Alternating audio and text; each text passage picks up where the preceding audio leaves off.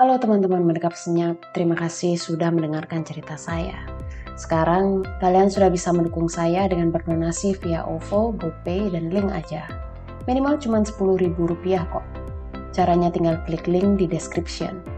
Support kalian sekecil apa pun sangat berarti buat saya. Meski saya tahu kalau berdonasi bukan budaya kita, yang jelas donasi atau enggak, konten saya tetap gratis.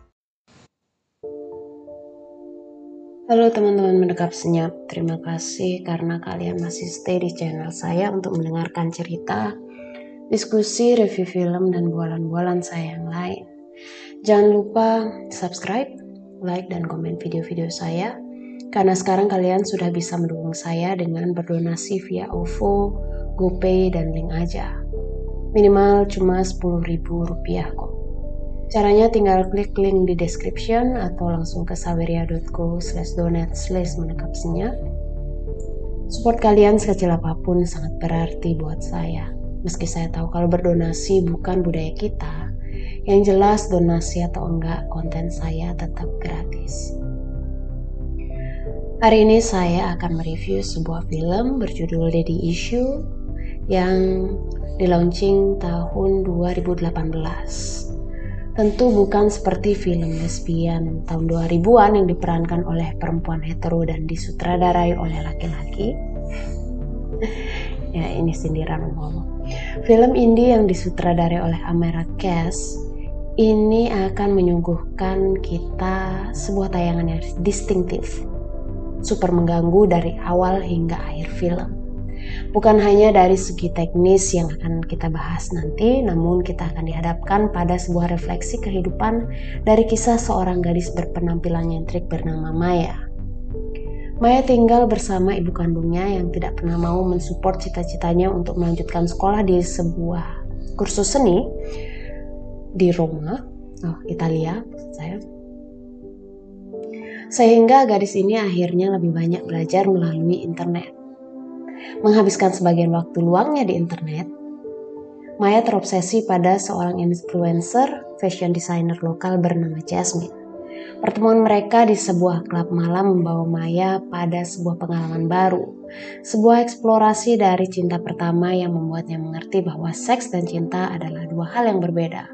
Juga cinta segitiga yang ganjil yang terjadi di antara dia, Jasmine, dan Simon, ayah kandung Maya sendiri sutradara Marrakesh berusaha mengumpulkan berbagai polemik tentang daddy issue untuk dituangkan dalam satu film saja.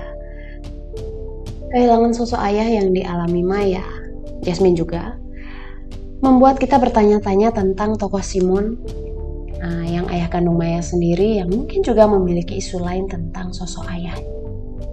Meski semua tidak dijabarkan dengan utuh karena masalah durasi, namun memilih tokoh Maya sebagai pusat dari cerita menurut saya sudah cukup bijaksana dan mampu menyokong karya ini menjadi sebuah film yang unik dan layak untuk ditonton. Sebelumnya mungkin kalian yang mendengarkan channel saya dari awal atau membaca cerita-cerita karangan saya merasa familiar dengan nama Maya dari novelet Kopi Pagi ini yang juga mengangkat kisah tentang Daddy Issue Buat yang belum silahkan cek playlist saya atau baca novel saya di Wattpad. Meski agak insecure, tapi saya nggak akan banyak memberi penjelasan tentang kemiripan apa pun yang ada di sana. Karena Kopi Pagi ini sudah dibukukan dalam bentuk cerpen dan dipublish di tahun 2011. Plus nomor ISBN. Jadi saya nggak takut sama sekali kalau ada yang bilang saya menjiplak. Karena ini murni kebetulan saya malah merasa senang bisa menemukan film berjudul Daddy Issue ini. Kesannya merasa senasib sepenanggungan kalau punya ide cerita yang mirip ya. Punya keresahan dan kegelisahan yang sama, menandakan bahwa memang di dunia ini memang tidak ada yang benar-benar baru. Di tempat kuliah saya dulu sering kali isu penjiplakan jadi momok buat mahasiswa, terutama mahasiswa di kampus seni. Sehingga semua berlomba-lomba memikirkan hal yang kebaruan dan memaksakan konsep yang super surrealis. Tapi ini saya. Saya malah menganggap sebuah karya akan memperbaharui dan memberikan penyelesaian untuk karya yang lain. Di luar itu semua, nikmatlah yang memutuskan. Kita kembali ke Daddy Issue. Film ini memiliki alur yang cukup dark, ya, gelap, mengganggu tapi divisualisasikan dengan warna-warna pastel seperti pink, biru muda, krem, dan penuh dengan properti yang berkesan lembut di mata, membuat teror lain. Bahwa apa yang sebenarnya kita lihat dengan mata tidak bisa selalu menggambarkan dengan transparan apa yang terjadi sebenarnya. Seperti Don't judge a book by its cover. Walaupun apa-apa kita lihat dari covernya dulu. Ya, ironis bahwa film bertema gelap harus selalu menampilkan gambar dengan pencahayaan low light, blue shadow, dan tonalitas kebiruan. Dalam film ini itu tidak terjadi, tapi teror itu benar-benar bisa merayap ke dalam kulit kita istilahnya, tanpa kita sadari. Kemudian musik latarnya, kita akan disuguhkan musik-musik indie sepanjang film. Sesuatu yang menurut saya cukup konvensional tapi cemerlang jika dilakukan dengan teknik editing yang benar, yang baik. Misalnya montase editing. Nah, montase itu sederhananya kalau kalian belum tahu atau pernah dengar tapi lupa, adalah sebuah teknik menyatukan gambar dari dua scene yang berbeda dan dijadikan satu secara tematik.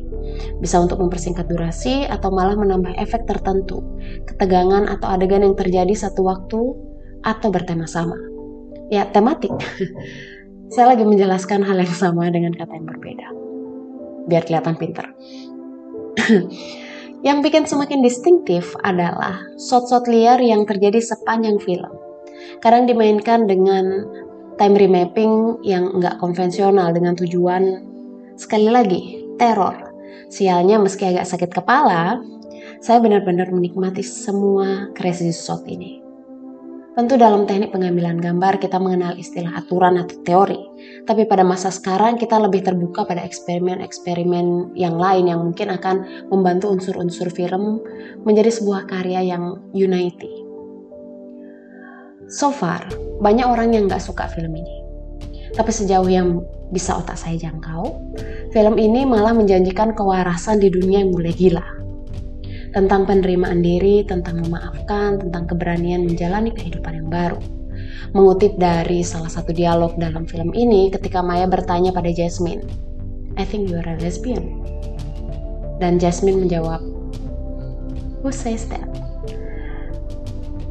Lalu uh, Maya lagi, and then what are you? And Jasmine menjawab, I'm an American. I'm an American. Dialog tersebut bukan lagi bicara tentang seksualitas, tetapi lebih kepada kesadaran kita terhadap apa yang kita butuhkan dan pilihan hidup kita, tentang pada siapa kita ingin merasakan apa. Sejauh kita bisa menikmati semua hal yang dijanjikan hidup dan menjalani dengan penerimaan yang apa adanya. Sebenarnya masih banyak lagi hal yang ingin saya bahas soal film ini. Karena pada akhirnya saya menemukan film yang bisa saya bandingkan dengan film favorit saya, The Portrait of a Lady on Fire yang selalu saya mention di review saya yang lain. Tapi karena saya sendiri ingin menyisakan sedikit kesan untuk diri saya sendiri, jadi saya selesaikan review film Daddy Issue ini sekarang. Sampai ketemu lagi.